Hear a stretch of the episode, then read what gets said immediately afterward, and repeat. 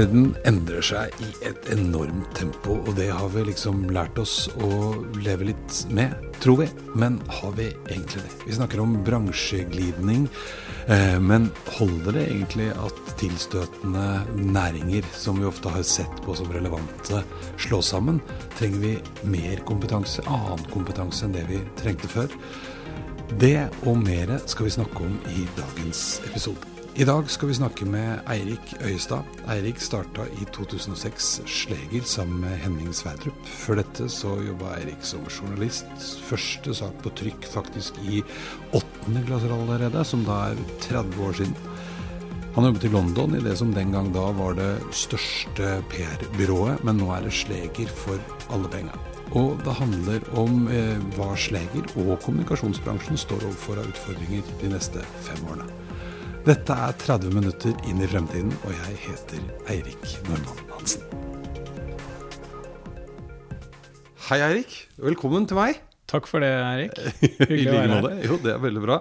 Eh, du er jo faktisk eh, første gjest i eh, det som skal bli en stor podkast fremover. Mm. Håper du har tatt et klokt valg der. Det er jeg helt sikker på. Det er trygt å begynne med noen man kjenner, både navnmessig og ellers. Ikke sant? Ja. Jeg må starte klokka. Dette er jo 30 minutter inn i fremtiden, og klokka den skal nå snart uh, gå. Um, det er tikkeren. Hva tror du om fremtida? Nå raser vi inn inn. Jeg tror uh, fremtiden er vanskelig å spå. Vanskeligere enn uh, noensinne. Men nå er jeg liksom en ekspert jeg da, på et eller annet uh, Er det utgangspunktet? Det er utgangspunktet. ja. ja. Så du, vi må jo ta utgangspunkt i det du driver med fra kommunikasjonsverdenen. Du vet at Forskningen viser at eksperter er uh, mer upålitelige enn uh, alle andre når det gjelder å spå. Ja, men Det er det som er gøy vet du, når man lager sånn podkastserie. For da kan jeg gjøre det om igjen hele tiden, for vi får aldri rett. Du kommer til å få en haug av skivebommer her. Ja, det er akkurat det. Det var noen som ja. gjorde et, et eksperiment på det med børsen. Uh, hypotesen var at uh, man kunne gjette aksjeutviklingen bedre ved å få apekatter til å kaste piler på liksom børssiden i en avis, da, og plukke aksjer på den måten. de simulerte dette eksperimentet ved å Altså, man simulerte at 100 aper valgte aksjer ved å kaste piler på børssidene.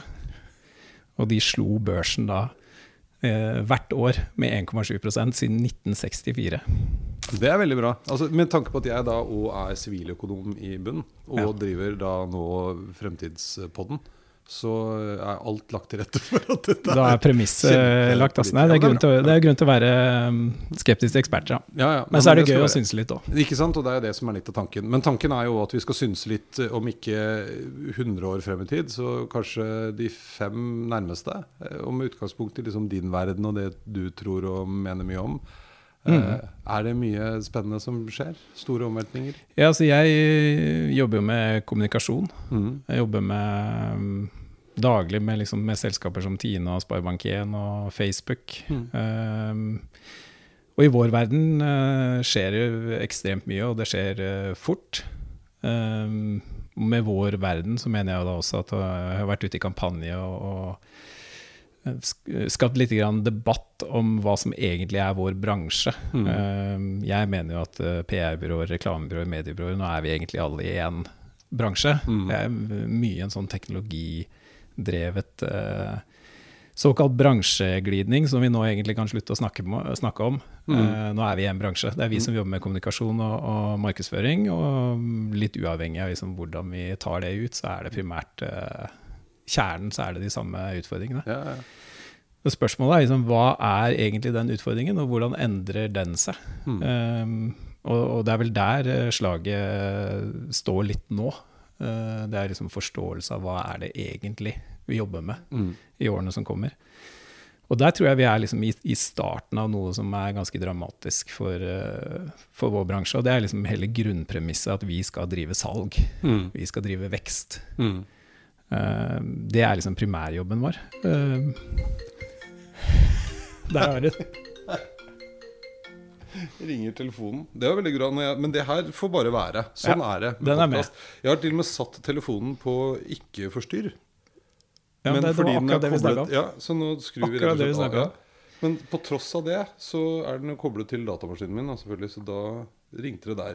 Men sånn har fremtiden blitt. Du. Det er noen ting som liksom tar litt overhånd, syns jeg, noen ganger. Vi kan jo koble inn i eh, Du, du, du, du kan jo klippe vekk dette på Nei, altså Det får vi se på. Ja. Ja. Nei, grunnpremisset for oss og, og rollen vår handler jo om å, å støtte opp under det som liksom er drivmotoren i alle selskaper, i hvert fall. Det er å skape vekst. Mm. Og, og vekst er salg. Mm. Eh, der tror jeg vi står overfor et paradigmeskifte, om man kan kalle det. Og det er jo eh, selvfølgelig knyttet opp mot vår tids store spørsmål i forhold til klima. Mm. Tåler klimaet mer vekst? Altså den tradisjonelle liksom, oppfatningen av hva som er økonomisk eh, vekst, det handler jo primært om forbruk. Eh, er det liksom akseptabelt nå i fremtiden at vi skal pushe flere flyreiser med dopapir, eh, flere liter med, med hudkrem? Eh, litt sånn ukritisk, selv om disse produktene blir mer bærekraftige i seg selv, så, så tror jeg selve grunnpremisset at økt forbruk er bra og liksom er motor i økonomien og, og, og fundamentet for alt annet som vi trenger i samfunnet vårt, den blir utfordret. Mm. Og da utfordres også vår rolle. Um, jeg har sett litt på tall nå, nå ganske ferske tall på liksom hvor eh, Hva, hva syns vi som forbrukere om forbruket vårt? Mm. Eh, og det siste jeg så nå, var at eh, halvparten av oss mener nå at liksom, nøkkelen til å løse klimakrisen er at vi reduserer vårt personlige forbruk. Eh, så kan man diskutere er halvparten bra eller er det dårlig. Mm. Det er i hvert fall betydelig. Mm. Uh, og da er det satt opp mot uh, at vi liksom overlater dette til innovasjon og, og, og teknologi. Uh, altså vi tenker at dette løser seg, så vi kan dure på som vi vil. For noen kommer til å finne på noe smart som gjør at vi redder klimaet uansett. Ja, for det er det flere og flere som nå kanskje er litt skeptiske til at det al- alene er løsningen, da. Ja, den, eh, der er vi liksom nede på 20-tallet, Mm. eh, den andelen som tror på det. Mm. Eh, og nå vet ikke jeg liksom har ikke jeg noe nøyaktig tall på hvordan dette utvikler seg, men, men min hypotese er jo at vi blir flere som tenker at det er et personlig ansvar, og vi blir færre som tenker at dette løser seg med teknologi. Men det er jo et dilemma. Altså jeg følger jo det litt. Og jeg, jeg får også oftere og oftere dårlig samvittighet og tenker at jeg må kjøpe mindre og reise mindre og, og kjøre mindre bil. Og altså prøve å omstille både mitt liv og familien min sitt liv. Men så er det jo en utfordring òg, da. For at hvis vi ikke liksom kjøper noe, så overlever jo ikke bedriftene, og vi tjener ikke penger. Og det er jo ikke bare bare det her. Nei, det, mm, det der er jo et litt sånn eh, gryende big bang, Mm. rett og slett. Eh, hva skjer egentlig når vi setter på bremsene på forbruk? Mm. Eh, For der har du to liksom helt fundamentale behov da, som krasjer. Altså, I samfunnet for øvrig så har vi behov for å finansiere helse, utdanning, skole, velferd, alle disse tingene. Alt det er jo helt avhengig av verdiskapning i privat sektor, Ja, som er basert på forbruk. Mm. Enten det er bedrifter som forbruker noe, eller, eller privatpersoner. Samtidig har du et klima som eh, åpenbart krever at vi forbruker mindre. Uh, og jeg syns at det er et eh, litt sånn skremmende spørsmål. Er Liksom, eh, hva skjer når disse to virkelig kolliderer? For de har ikke kollidert ennå. Vi har jo ikke tatt ordentlig inn over oss at klimakrisen krever eh, lavere forbruk. Vi durer jo på relativt sånn uh, uanfektet. Ja, ja. Heier på, på hun Greta, men gjør ikke så mye mer. Nei, vi, vi heier, og, og, og, og forståelsen begynner å, å synke inn. Uh, samtidig er vi veldig opptatt av alle de viktige og gode sidene av eh, hva kaller liksom, samfunnsbehovene våre, som tross alt er finansiert av akkurat den samme, det samme forbruket. Da. Mm, mm. Og det dilemmaet der, det treffer oss på et eller annet tidspunkt nå. og Det er liksom en av mine store for de neste fem årene. det er at det, Når de to krysser seg, så smeller det eh, Mm. Ganske det, kraftig. ja, for det, det må skje, det, Ja, før jeg- de fem årene nå har gått. Altså, da, da kan vi liksom spole helt bort fra, fra tall og statistikk og over på hva jeg selv personlig kjenner på, så er det ganske sånn fersk følelse, må jeg innrømme, av at nå føles det ikke så bra å kjøpe ting. Nå, nå, nå begynner jeg faktisk å reflektere over det. Mm. Jeg er eh, en eh, mann i, midt i livet omtrent som uh, f.eks. stort sett går i skjorte. Mm. Og, og litt av det å kjøpe seg en ny skjorte har for meg vært en sånn, eh, et lite rituale som Mm. ikke nødvendigvis handler om at jeg trenger en skjorte til. Kanskje snarere tvert imot, vil eh, familien min hevde. Men det er liksom noe som har skapt en, en slags sånn god følelse i livet, og nå gjør det ikke det lenger. Mm, mm. Nå, nå, går jeg heller i skapet og, eller ned i kjelleren og finner fram noen av de jeg ikke har brukt på en stund. Eller jeg tenker at jeg kan sy om den der, så, så passer den til min nye, nye crossballsang. ja, for det er jo et nytt område som begynner å komme. Altså ja. Reparere ting og butikker som tar imot og, og fikser det du har kjøpt hos de før. Og ja, altså gjenbruk eh, er vel kanskje et av de områdene der vi kan kombinere eh, behovet for personlig ansvar og gleden ved å få noe nytt. Mm, mm. Og det er helt klart at det kommer til å vokse. Uh, og at jeg tror gjenbruk kommer til å bli en del av forretningsmodellene til mange flere typer virksomheter enn det det er i dag. Men, men vi, du begynte å snakke om altså, bransjen du representerer. Da, altså Bransjeglidning, og nå må man kunne flere ting eh, mm. enn det man kunne før. Og det er kanskje færre som er liksom rene kommunikasjonsbyråer og rene digitalbyråer og rene hva nå enn det måtte hete. Men mm. hva, hva, tror, hva skal vi hjelpe bedriftene med, da? Fordi det du begynte med å snakke om, er jo hvordan jobben vår har jo egentlig vært å få andre til å kjøpe mer, mm. så vi kan tjene mer penger. Mm. Eh, og så må vi liksom opprettholde det å tjene penger, en eller annen form for omsetning, så vi skaper noe verdi. Ja. Eh, men vi må kanskje tenke annerledes. Ja, Et eksempel kan jo være dette med, med, med gjenbruk. Altså, eh, vi som markedsførere sitter jo tett på å forstå hvordan kundebehovene forandrer seg. Mm. Um, og omsette dette i, i, en eller annen form for innovasjon eller utvikling um, på markedsføringssiden. Men, men, vår jobb vil nok være, eller vårt eksistensgrunnlag vil jo også være avhengig av at vi kan gå inn mye tettere inn i kjernen og faktisk hjelpe bedriftene å utvikle nye ting som er bærekraftige, som, er, uh, som reduserer fotavtrykket deres. Mm. Um, F.eks. Uh, ved å kunne uh, få inn gjenbruk i en uh, modell som bare har handlet om å selge nytt. Mm. Um, jeg jo, jeg diskuterte faktisk dette her med en kollega her om dagen. at disse selskapene som, som f.eks. innenfor klær da, mm. uh, opererer sånn veldig tradisjonelt med produsere, uh, få det ut i butikk, håpe at noen kjøper det. Uh, hva om de også tilbyr en form for gjenbruksmodell? Der mm. ok, hvis du en gang i året kjøper deg en ny skjorte, så kan du også få sydd om to av dine gamle. Mm, ja. Så kjøper du kanskje fire-fem færre, ja. men sitter igjen med noe som skaper like mye verdi. Mm. Det, det, er vel et eksempel på en sånn type innovasjon som jeg tenker ville dratt meg inn i, inn i butikk mm. med en ganske god følelse, og forhåpentligvis et bedre regnskap på, på det elementære. Så, så får jeg spørre trenger jeg overhodet en ny skjorte i året, men uh, hvis vi sier at det er greit, og det går opp, uh, og jeg avsetter litt av det ved også å gi nytt liv til det gamle mm. Sånn type innovasjon tror jeg vi kan hmm. bidra med. Um, men det, for Det syns jeg er litt morsomt uh, og interessant. fordi Én ting er den bransjeglidningen som du snakket om i stad, som egentlig har vært en del etablerte eh, kunnskaper, mm. eh, som man nå plutselig begynner å trenge. Så vi trenger teknologi for å drive kommunikasjonsbyrå, f.eks. Ja. Så det sklir sammen.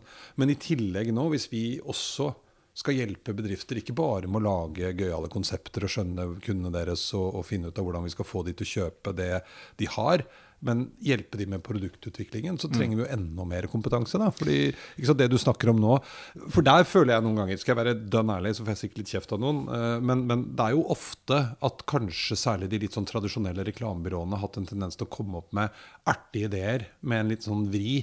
Men egentlig for å selge mer av det du lager. Ja. Sånn at det å bidra til faktisk innovasjon har liksom ikke vært vår greie. Nei, jeg tror vi er bakpå der. Mm. Jeg tror at uh, igjen, hvis vi ser denne bransjen litt sånn i stort, uh, så tror jeg vi er uh, veldig på i det siste leddet som handler om å pushe det som allerede er designet og klekket ut og produsert. Mm.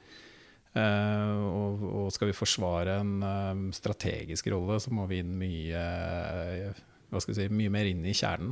Mm. Mm. Og jeg tror, flere, jeg, tror, jeg tror, likevel det er noen ting som man kan si at vi har tilegnet oss i, i, vår bransje de siste årene, som vi må tenke nytt rundt hvordan vi bruker. Og det er vel hvordan vi bruker data og teknologi mm. i dag. Hvis du kjøper deg en ny bil, mm. Så vil du ha en atferd og legge igjen noen spor som, som forteller annonsørene at nå har Eirik kjøpt seg en ny bil, så nå kan vi pushe et, en skiboks på han mm. eller en bilforsikring.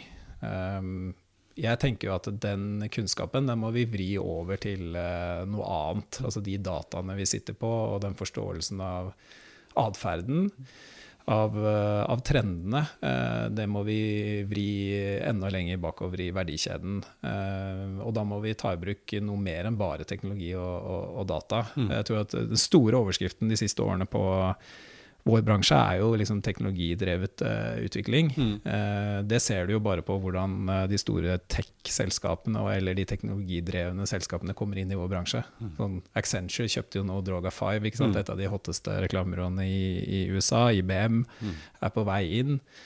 Eh, de har kjøpt designselskaper i mange år. De ser litt sånn i det stille og bygd seg på design. Nå mm. kommer de også over i marketing eh, for fullt. Og det er eh, en kjempeutfordring for bransjen rent sånn konkurransemessig. Um, men på et eller annet tidspunkt så tror jeg liksom det å bruke data til bare å pushe produkter har sin grense. Det, det vil på et eller annet tidspunkt kanskje til og med slå tilbake på, mm. på, selskapene. Litt har vi jo sett det allerede. At dette med at du har søkt én gang på et eller annet, så får du 70 annonser eh, opp på det hver gang du beveger deg ut på, på nettet. Det oppleves ikke bare som relevant og, og, og positivt. Og positivt.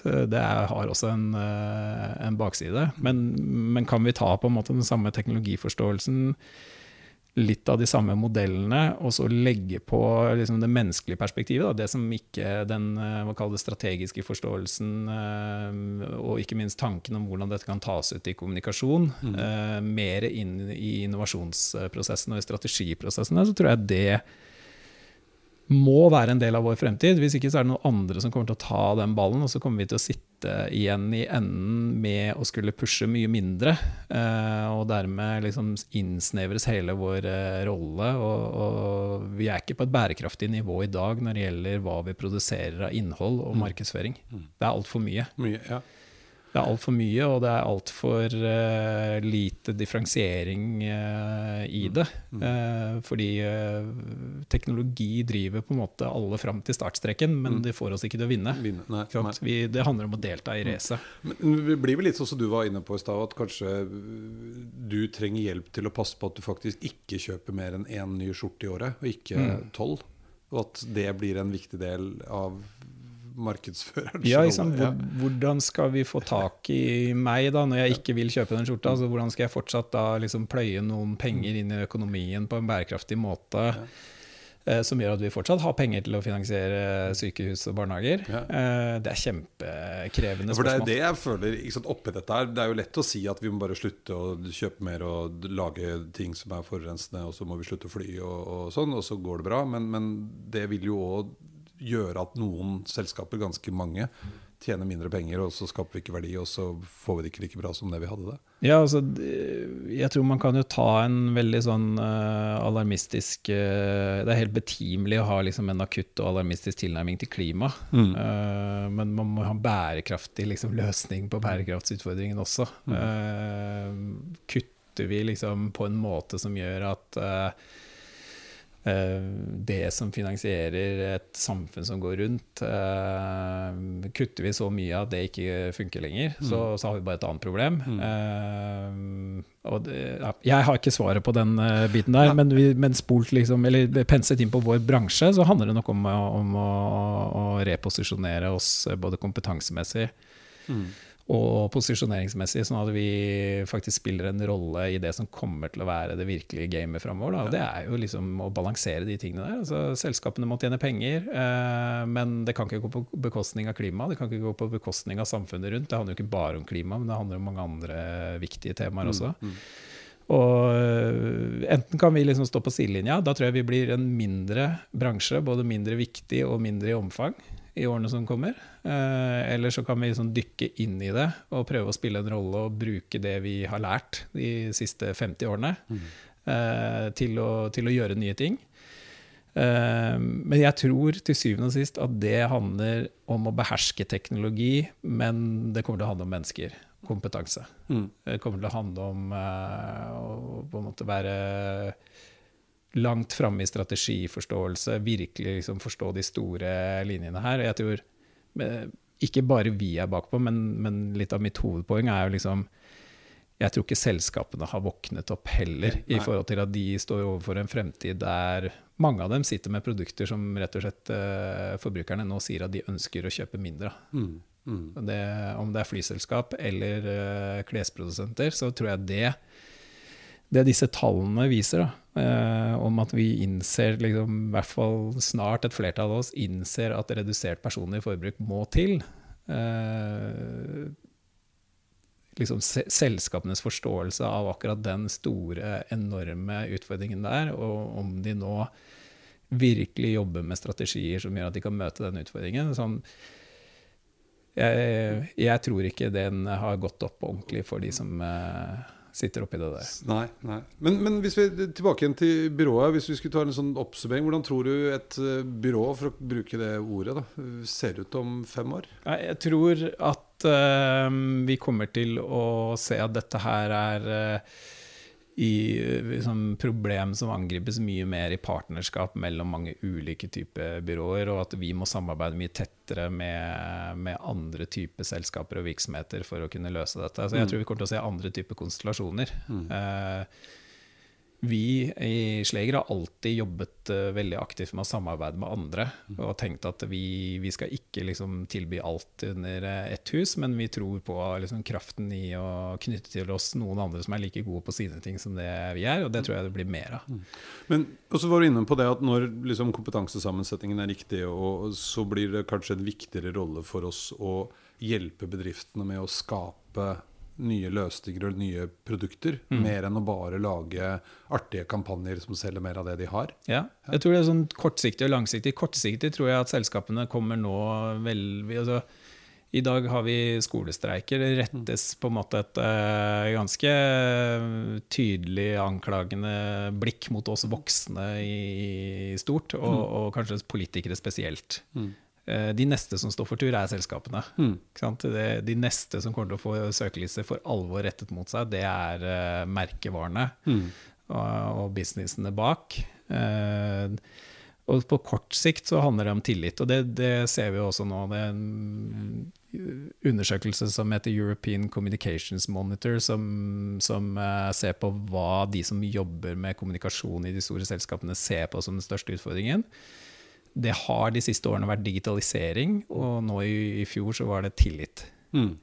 Det er liksom det å bygge og, og opprettholde tillit mellom selskapene og kundene. Fordi Nei. de selvfølgelig ser det at uh, folk begynner å stille spørsmål. Ja. Gjør dere alt det dere kan? Mm. Gjør dere virkelig Tar dere dere de tøffe beslutningene? Ja, ja. Uh, den tilliten er synkende. Mm.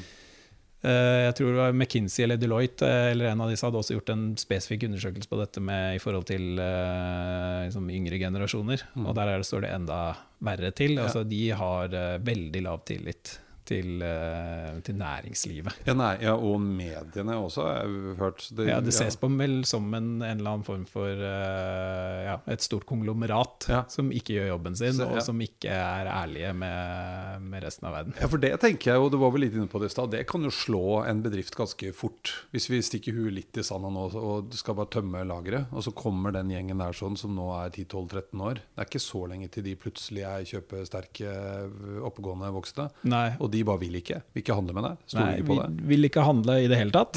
Eh, Eller de vil ikke handle fra ditt selskap. Eh, De vil heller handle fra de nye, som gjør ting på nye måter. Og det kommer til å bli en kjempe, kjempeutfordring. Så den kortsiktige jobben, eh, der vi også må hjelpe til, det er tillit. Og, og i dag er, lever vi i en helt sånn gjennomsiktig verden, så du får ikke tillit hvis tillit handler om å på en måte pynte på sannheten eller, eller uh, ikke fortelle sannheten. Det må liksom være inne i kjernen. Mm.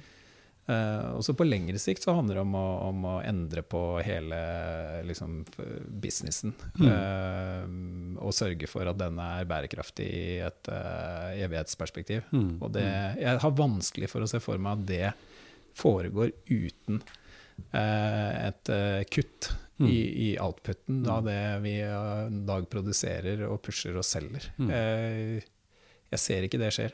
Nei.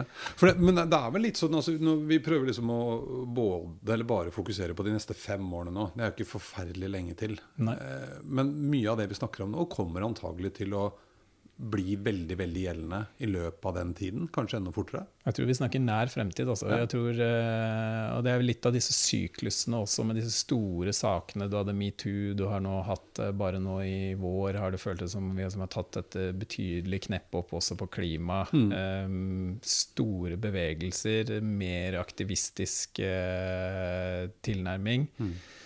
Um, de, de, får mer konsekvenser, de, det skjer raskere og med større kraft, og, og det skaper uh, varige endringer, tror jeg. da. Og, mm. og jeg ser uh, liksom på hvordan nå folk sier at de vil endre atferd, så, så, sitter jeg nok med en følelse av at det er reelt. Mm. Uh, selv om jeg ikke kan belegge det. Er det noe du bare sier fordi du tror det er det riktige å si? Mm. Men jeg tror at man kommer til å se det på atferd. Jeg tror at uh, alle disse bølgene skaper uh, Og det er det, det gode uh, i dette. Det er at det skaper reell endring. Det er ikke sånn at vi bare sitter og tenker at det går over. Bare la de få streike litt nå, barna, så er de ferdige, og tilbake på skolen, og så fortsetter vi som før. Jeg tror faktisk at, at det begynner å synke inn at det må skape varige endringer da, i atferden vår. Og, ja. du, du, nevnte noe rett før vi skrudde på mikrofonene, en omdømmeundersøkelse. Hvor, eh, hvem var det som hadde skåret høyest? Tine. Ja, men og langt opp på lista var Altså, på, på, denne Sustainable uh, Brand-indeksen så, så, er det um, Stormberg, Tine, en del sånne selskaper som, som scorer veldig bra. Som mm. har jobbet uh, vil jeg si, langsiktig og veldig veldig systematisk med, mm. med bærekraft og med samfunnsansvar. Mm. Uh, sier ikke det bare fordi jeg jobber med Tine, men det er helt åpenbart veldig et selskap som gjør veldig mye, mye, bra, som har jobbet med det lenge. Uh, du har Kiwi mm. og høyt oppe på denne lista, som uh, nok er knyttet opp mot mye mot det de har gjort på frukt og grønt. Og, mm. og det de har vist, er jo at de vil ta et reelt kutt, mm. eh, bokstavelig talt. Kutte, ved å kutte momsen så, så, så, tar de på en måte inn over seg behovet for å, for å ofre noe. Mm. Eh, og få betalt for det også omdømmemessig, da, mm. eh, ut mot eh, selskapene. Men det er også interessant med denne indeksen, hvor man da går ut og spør tusenvis av forbrukere hva, hvem de oppfatter gjør en god jobb mm. eh, i forhold til bærekraft. Det, det andre eh, delen av det er jo også dette med samfunnsansvar i litt bredere forstand. Mm. Eh, og der er jo så, Hvis vi skal liksom se litt inn i fremtiden, når jeg ser klokka tikker ja, ubønnhørlig ned mot uh, null her, så, så, er det en annen uh, liksom tilstøtende trend jeg tror blir veldig viktig. Det er jo liksom at vi går fra en sånn glo globalisert verden til en lokalisert mm. Uh, der er det veldig spennende å se på hva Facebook f.eks. har gjort uh, med å endre sin uh, algoritme i, i fjor under liksom overskriften 'More local news on Facebook'. Mm. Da, da, snakker vi liksom om en markedsundersøkelse med to milliarder, milliarder. brukere, ja. så den er ganske godt fundert, og, er vel fundert i en oppfatning av at folk er mer opptatt av det nære. Mm. nære relasjoner, sitt lokalmiljø. Og det tror jeg er en, eh, en, veldig viktig trend. Og en del av det er nok at den store driveren for globalisering har vært teknologi. Teknologiutviklingen. Mm. Eh, og det som også skjedde i fjor, var jo at eh, de, liksom, nå er vel de seks eh, største selskapene i verden teknologiselskaper. Mm. Og de fleste av de opplevde vel en ganske sånn dramatisk nedgang i aksjekursene i 2018. Og en del begynte å, å, å, snakke om at dette skyldtes noe mer enn bare en normal korrigering, men at vi begynner å nå et sånn form for metningspunkt ja. i forhold til teknologi.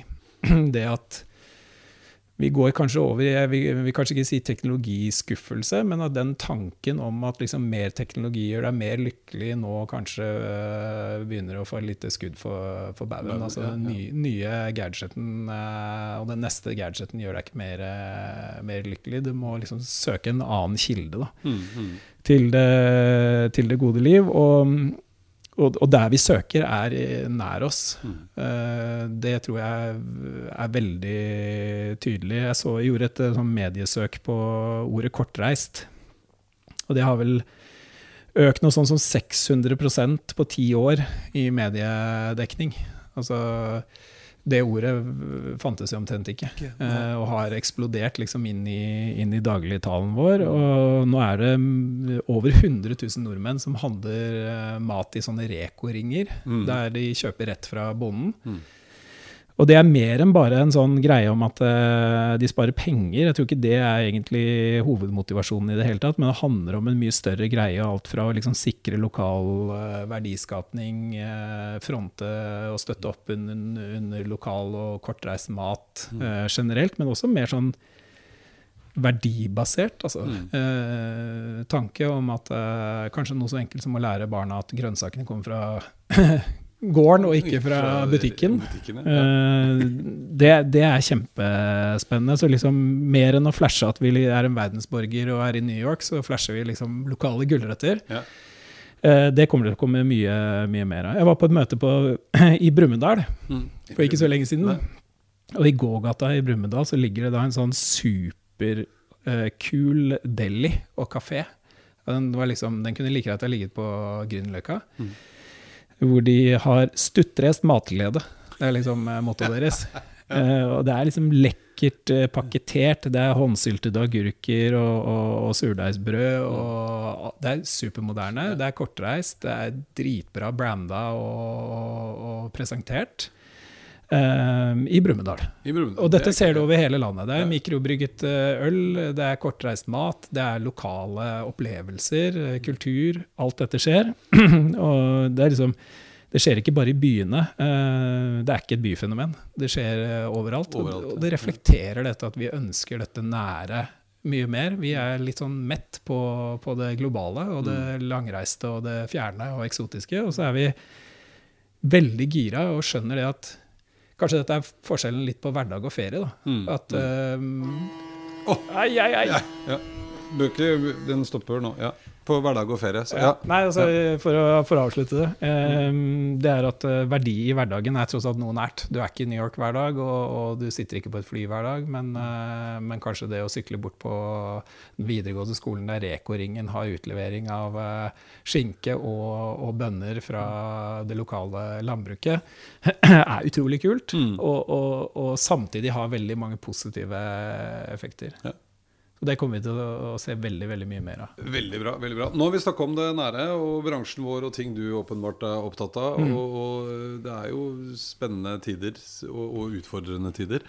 Men hvis det var én ting som du håper på eller tror på kommer til å være en realitet i 2030, hva tror du det blir?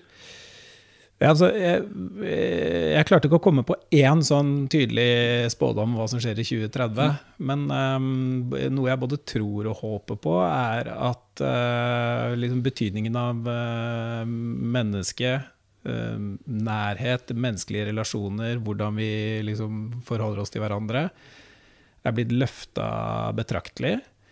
Um, og at i det så ligger det også at vi har avgrenset litt teknologi og teknologiens uh, rolle mm. i, i, samfunnet. Altså, vi har blitt litt klokere. Vi bruker teknologi der hvor det kan skape en bedre verden, og så vi, begrenser vi teknologi der hvor vi tror at det ikke skaper en bedre verden. Det tror jeg er en sånn spådom. Tror jeg at uh, urbanisering uh, kommer til å bety at byene kommer til å ligne mer på bygda. Mm.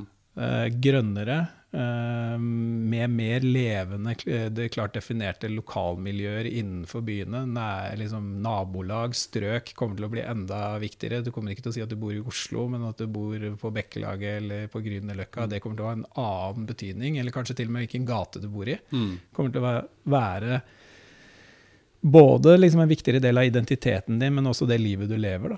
Um, og at det kommer til å se og føles mer lokalt og nært og, og bygdete ut i byene. Selv om byene vokser og den trenden ikke kommer til å endre seg, så tror jeg det kommer til å se annerledes ut. Og så tror jeg at uh, de selskapene som kommer til å vokse og lykkes i, fram mot 2030, det er de som tar en aktiv rolle i det bildet der. Ja. Det er de som bidrar til eh, det menneskelige, og som eh, skjønner at eh, fotavtrykket deres ikke kan gå utover og utover, men, men bidrar til liksom at vi har mindre globale og mer lokale perspektiver. Så da alt kommer til alt, så du har trua på fremtiden? Jeg er kjempe optimist med, på, på, vegne av fremtiden. Da. Men hvis vi klarer å lykkes med den der personlige ansvarstagningen, det å virkelig liksom gå fra litt bedre holdninger til litt bedre atferd, så håper jeg også at teknologien gjør sin jobb. Ja. Ja, der, der, tror jeg vi er enige. Ja. Tusen hjertelig takk for besøket, Eirik. Det var veldig, veldig spennende. Vi ses igjen, håper jeg. Det gjør vi. Hei.